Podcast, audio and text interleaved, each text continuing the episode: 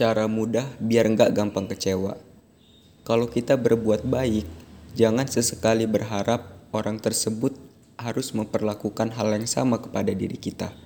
Contoh, kita selalu menemani teman kita di saat dia sedih, di saat dia terpuruk. Itu merupakan tindakan yang keren banget. Tapi jangan berharap lebih.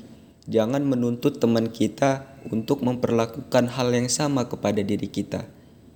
Kalau seandainya teman kita nggak mau dan dia nggak bisa, pastinya akan menjadi suatu kekecewaan yang sangat besar.